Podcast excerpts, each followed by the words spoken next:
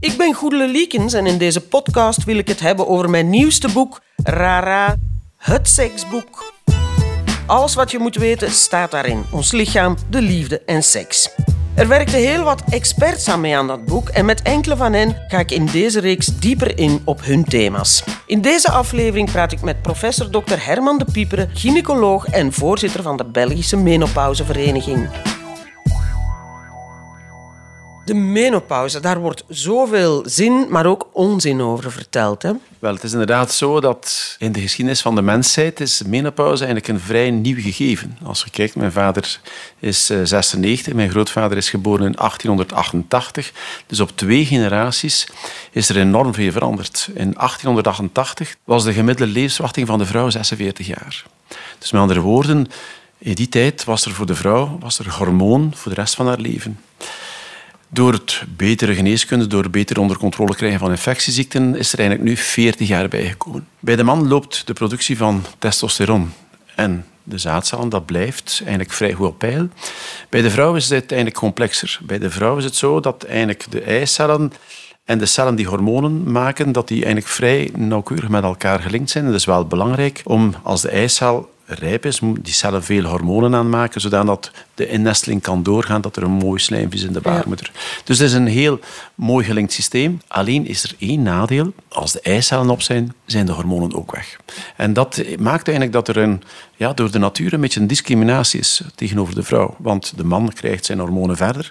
En plots, de vrouw, of dat ze nu hoogopgeleid is, alles gedaan heeft, wordt geconfronteerd met het feit dat daar productie van oestrogenen wegvallen. Ja. Productie van oestrogenen die wegvallen, dat is niet alleen voor de seksualiteit en de voorplanting, maar hormonen hebben invloed op alles. Dus op uw gewicht, op het krijgen van een buikje, op uw gewrichten, op uw stijfheid van uw gewrichten. Op slaap, op je humeur. Op uw hum, op uw stem, op uw haar, op alles. Dus uiteindelijk, de vrouw wordt toch geconfronteerd met een vrij zwaar gegeven op een vrij actief moment van haar leven, want ze zit in het midden van haar carrière. En als dan plots die hormonen wegvallen, valt er eigenlijk een belangrijke steunpilaar weg. En dat geeft, we hebben daar een enquête over gedaan met de menopauzevereniging, dat geeft al bij 77% van de vrouwen klachten. Dat zijn warmteopwellingen, vermoeidheid, s'nachts uh, vier, vijf keer moeten opstaan, uh, prikkelbaar zijn. Bijvoorbeeld stel dat je in een vergadering zit en plots uh, begint je te transpireren, je haar is volledig nat, je kleren worden volledig nat. En uw buur zegt, oei, je ziek, heb je griep? Nee, nee, ik heb gewoon een, ik heb, warm, ik heb gewoon een warmteopwelling. Dat heeft enorme repercussie en dat is sociaal handicapperend. Kan het ook zijn, maar even tussenkomen, dat je niet meteen doorhebt dat het menopauze-symptomen zijn. Dat je zegt, gof, ik heb het warm. Als het nu niet zo heel vaak gebeurt bijvoorbeeld. Of dat je slapeloosheid, dat je denkt, goh ja, ik heb gewoon te veel aan mijn hoofd en daardoor heb ik slaapproblemen. Dus dat we vaak die symptomen ook niet herkennen. En met we bedoel ik ik. Ja, maar het is zo dat inderdaad veel vrouwen lezen bij toevallen zo'n ja, een boekje, zo, like The Feeling of the Flair. En die zegt, ja, kijk, al die symptomen dat daar in de artikel staat, heb ik ook. En het is vaak zo, dat hebben we eigenlijk uh, ook in, het, uh, in die enquête gezien, dat vrouwen zelf de diagnose moeten stellen. Ze hebben bijvoorbeeld hartkloppingen. Ze zeggen, oei, oei ik heb toch waarschijnlijk het uh, begin van een hartlijden. En ze gaan naar de huisarts, gaan naar de cardioloog. Nu, alles is normaal. Dus heel veel van die klachten worden niet onmiddellijk gelinkt. Mm -hmm. En bijvoorbeeld, ze hebben hartkloppingen, ze krijgen niets tegen het hartritme. Ze hebben slaapstoornissen, ze krijgen een slaapmiddel. Ze zijn zo beetje down, omdat je natuurlijk als je vier of vijf keer s'nachts moet opstaan en een dag erop uh, moet presteren, dat je zegt, amai, dat is hier wel lastig. En om duur, het is ook meer veel eisendheid op het werk en, en, ze krijgen het niet volledig rond. Vrouwen worden ook op die leeftijd vaak gesandwiched, in de zin dat ze ook instaan voor de zorg van de schoonouders en de grootouders en de ouders. Ja, ja. Kinderen die er zitten na te komen. Allee, alles draait rond uh, die vrouw. En dus in principe komt er heel veel op die schouders van die vrouw. Het lijkt alsof u nu aan het zeggen bent, kijk uit, want dat kan ook tot depressies, burn-outs uh, leiden. Oh, ik denk dat het wel uh, onderschat wordt dat het wegvallen van hormonen hebben een enorme repercussie naar de levenskwaliteit. En dat hebben we duidelijk gezien ja, bij 77% van de vrouwen. Dus er zijn heel veel vrouwen die zeggen, kijk, ik heb alles mogen eten, ik heb alles mogen doen. En nu de kilo's komen erbij. En vooral die gordel, de buikgordel die ja, bijkomt. De love en verzwaren. Bijvoorbeeld hormonen staan erin ook voor de vetverbranding.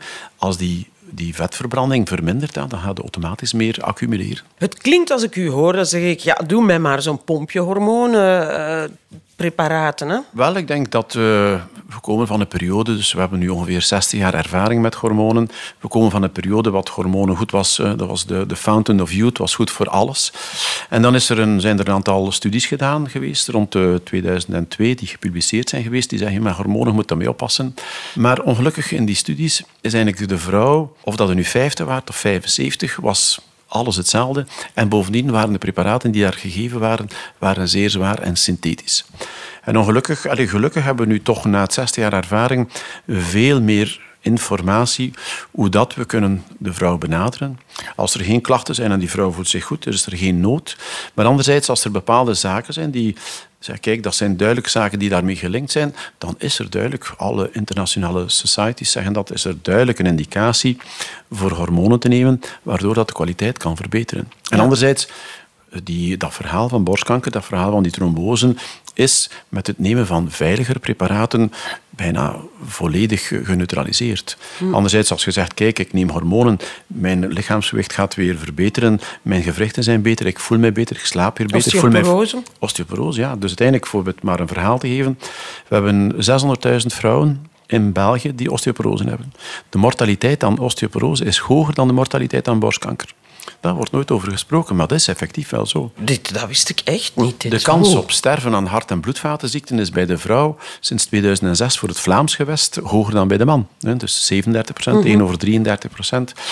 En de kans op sterven aan hart- en bloedvatenziekten is ongeveer 17 keer, dus 1700% hoger dan de kans op sterven aan borstkanker. Ook dementie. De vrouw wordt twee tot drie keer meer dement dan de man.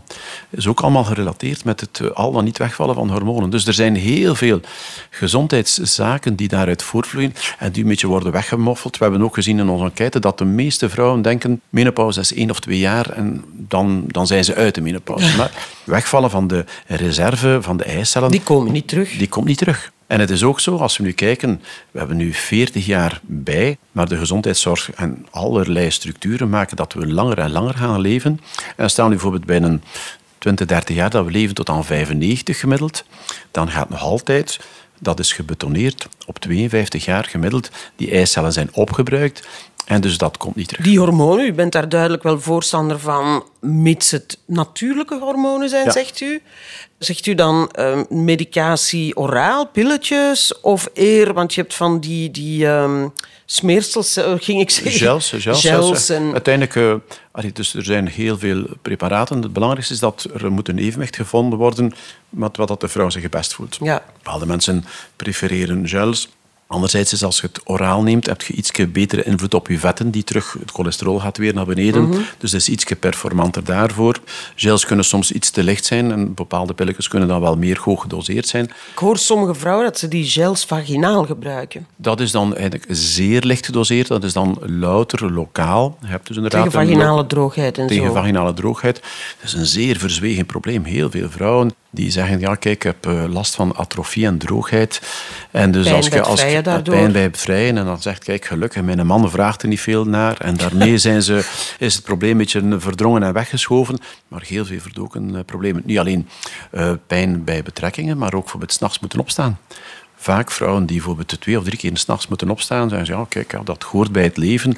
Als je die atrofie vaginaal opheft, dat die nicturie enorm verbetert. Ja. Dus er zijn veel meer problemen. Oké, hormonenpreparaten, de juiste voor elke vrouw. Zijn er ook alternatieve behandelingen? Er zijn alternatieve behandelingen. Dus uiteindelijk moeten we streven naar een optimale levenskwaliteit. En dus uiteindelijk als we zeggen, kijk, uh, mijn enige probleem is bijvoorbeeld dat ik verzwaar, dan uh, zien we dat er eigenlijk heel veel vrouwen zijn die niet meer bewegen. Dus met andere woorden, er zou moeten veel meer coaching komen en veel meer initiatieven komen van de overheid om bepaalde zaken zoals uh, bewegen, sportclubs, betere infrastructuur voor fietsen, dat de mensen een actievere levensstijl hebben, dat dat gepromoot wordt. Dus ik denk dat dat wel een goede zaak is. En hetzelfde, zo zou je eigenlijk verschillende van die symptomen op zich kunnen aanpakken. Een slaapprobleem, meditatie. Zo, ik denk uh, dat uh, zeker, ik, ik, sta hier niet voor uh, medicalisering van het probleem, maar ik mhm. denk vooral dat het, en daar heb ik ook een boek over geschreven,